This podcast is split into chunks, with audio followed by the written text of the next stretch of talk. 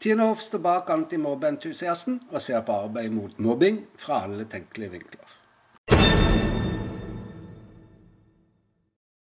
Går det an å snakke om ambisjoner, foreldre og arbeidet mot mobbing i samme setning? Klart det gjør, og flere gjør det jo. Men ambisjonene har forskjellig utgangspunkt og mål. F.eks. vil det for en politiker være viktig å vise de tar mobbing på alvor, for det gjør at du og jeg får tillit til de, og kanskje stemmer på de. Som igjen gjør at de får mer makt. For andre kan det være et ønske å unngå mobbing for å unngå sanksjoner som er i systemet. Og da opplever gjerne voksne å bli bagatellisert når de sier ifra, f.eks. For meg er det så enkelt og så vanskelig som at jeg ønsker å hjelpe så mange voksne involvert som mulig med det jeg kan by på av erfaring, være seg som mor eller i rollen som lærer, eller at jeg hjelper familier i mobbesaker som er tøffe, eller at jeg driver med skoleutvikling. For foreldre kan det dreie seg om helt andre ambisjoner. Nemlig det å sørge for at deres barn opplever en bedring av en skikkelig dårlig situasjon. Å snakke om mobbing, hva en kan gjøre forebyggende, er langt enklere enn å snakke om hva man gjør når det allerede har skjedd. Kanskje det er grunnen til at det blir så stille, og foreldre blir stående så ufattelig alene når mobbing er et faktum. Vel, jeg har ikke tenkt å gjøre det enkelt for meg sjøl, men heller forsøke å snakke om det som er litt vanskelig, litt kjipt og litt kinkig. For jeg tenker vi kan gjøre begge deler, kan vi ikke det?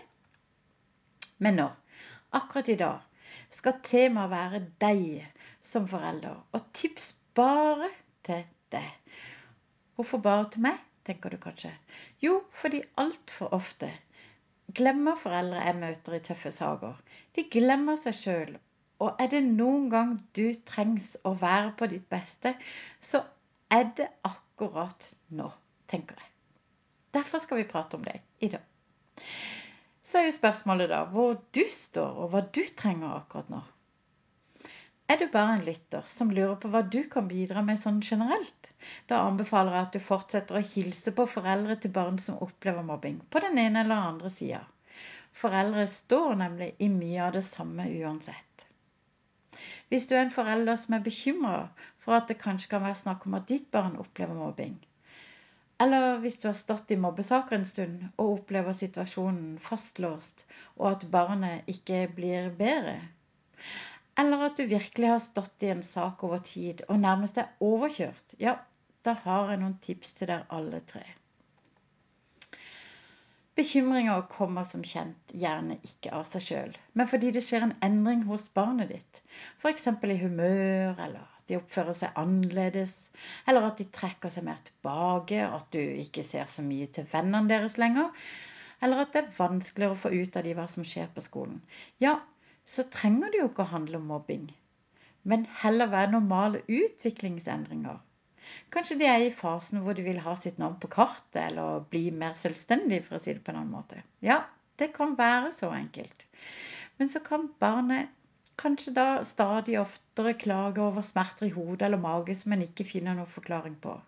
Og kanskje det blir vanskeligere for barnet på skolen. Ja, så ta samtalen. Snakk med barnet. For all del. Forsøk å finne ut hva det kan være. Om det skulle vise seg at det er mobbing som ligger bak, er det kanskje lurt å vite eller å ha i bakhodet at mange barn ikke ønsker å si fra til voksne. Det kan være fordi barn ikke ønsker å belaste det, men det kan også skyldes at barn er livredd for at skolesituasjonen skal bli enda verre enn det allerede er. Ha det i bakhodet når du velger hvilken når, hvor og hvordan dere skal snakke sammen. Og så vær så snill, ikke lov barnet gull og grønne skoger bare det er for sagt fra til skolen. For det kan hende at barnets frykt har rot i virkeligheten, og at det blir verre før det blir bedre. Hvis din mistanke da, etter samtalen bekreftes om at det er utrygt på skolen eller så alvorlig som mobbing, så står du trolig foran en helt ny utfordring. Hold hodet så kaldt som du bare kan klare, selv om det er det verst tenkelige som har skjedd, nemlig at barnet ditt ikke har det bra. For sosiale problemer som mobbing er, har ingen fix, dessverre. Det betyr at det er flere involvert, både barn og voksne. Og det å endre på folk og miljøer er ikke gjort i en håndvending, men heller krever én eller flere prøve- og feilerunder. Etter samtalen så vil jeg at du skal ta kontakt med skolen. Gjør det skriftlig. Send en mail til rektor om at du er bekymra for at ditt barn opplever utrygge skolemiljø og kanskje mobbing.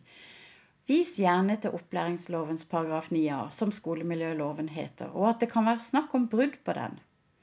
Det som da skjer, er at skolen har fem dager på seg til å undersøke hva som skjer med ditt barn i skoletida, i friminutter til og fra klasserommet og i klasserommet f.eks., og finne fram til noen gode tiltak som kan settes inn. Og så får du et svar med innkalling til et møte. Mobbing er et sosialt problem med helsekonsekvenser.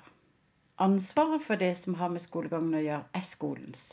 Det betyr det som skjer på skolen, men også ting på fritiden som har betydning for ditt barns trygghet på skolen.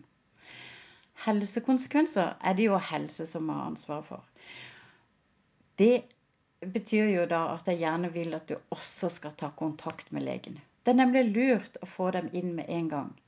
Mobbing er jo et sosialt problem med helsekonsekvenser. Noen ganger trengs det slettes ikke å være snakk om store konsekvenser. Mens andre ganger viser det seg at barna har stått i utrygge miljøer eller mobbing over tid, og at konsekvenser nærmest ruller opp etter at ting kommer til overflaten. Selv om fastleger gjerne ikke er eksperter verken på det psykiske, mobbing eller skolemiljø, er de likevel ofte gode samtaleparter i første runde. Og de er også nøkkelen til henvisning til spesialister om det skulle vise seg nødvendig. Den viktigste, da, det vil alltid være det. For du har totalansvar for ditt barns ve og vel.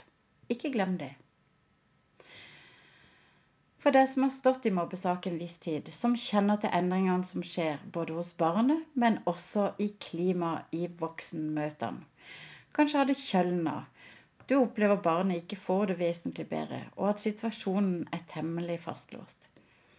Er første tipset å fokusere mer på barnets fritid.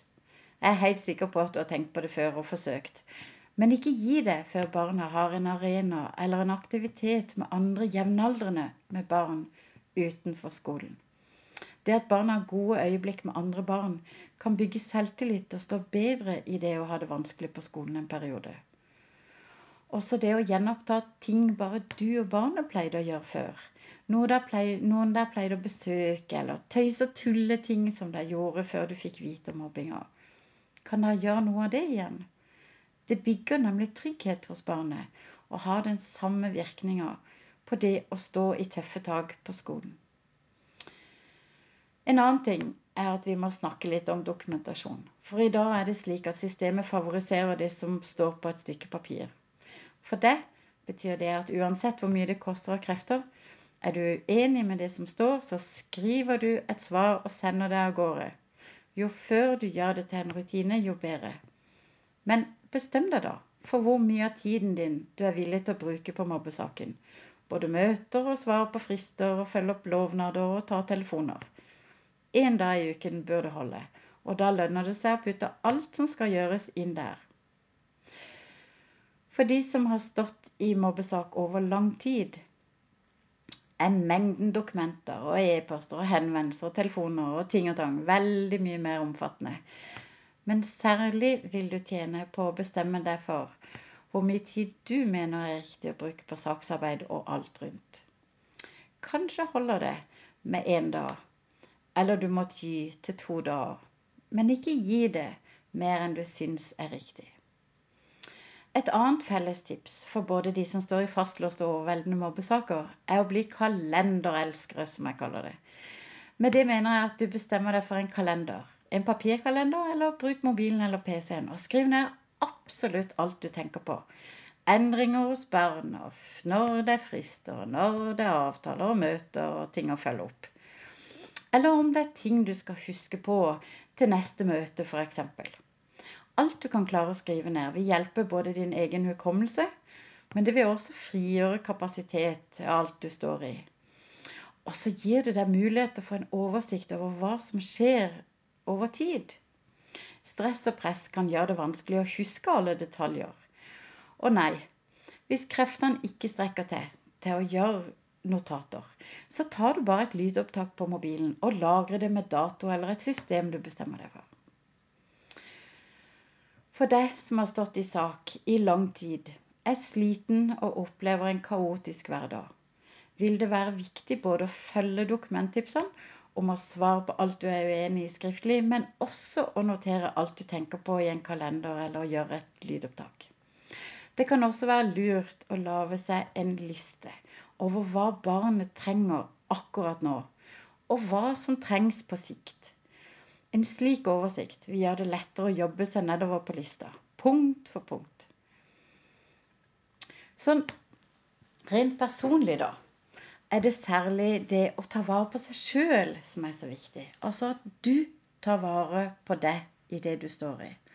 Det er det flere grunner til. For det første vil det gjøre det lettere å holde hodet kaldt, slik at du makter å ta fornuftige, kloke og smarte valg for saken, for barnet, for familien. Dessuten vil det være lettere å være den normale forelderen som dine kjære er så glad i. Og normaliteten er en trygghet både for barna og for familien. Ikke minst vil det kanskje hjelpe på situasjonen for din egen del at det ikke er like lett å bli overvelda eller oppleve seg overkjørt. Ja, kanskje går det til og med an å hente tilbake selvtilliten din igjen. Du trenger den, så hvordan kan du få forsvart det for deg sjøl? Jeg møter altfor mange foreldre som verken går på kafé, treffer venner eller har det gøy etter hvert som saker pågår. De har ikke samvittighet til det så lenge barna fortsatt har det så vanskelig.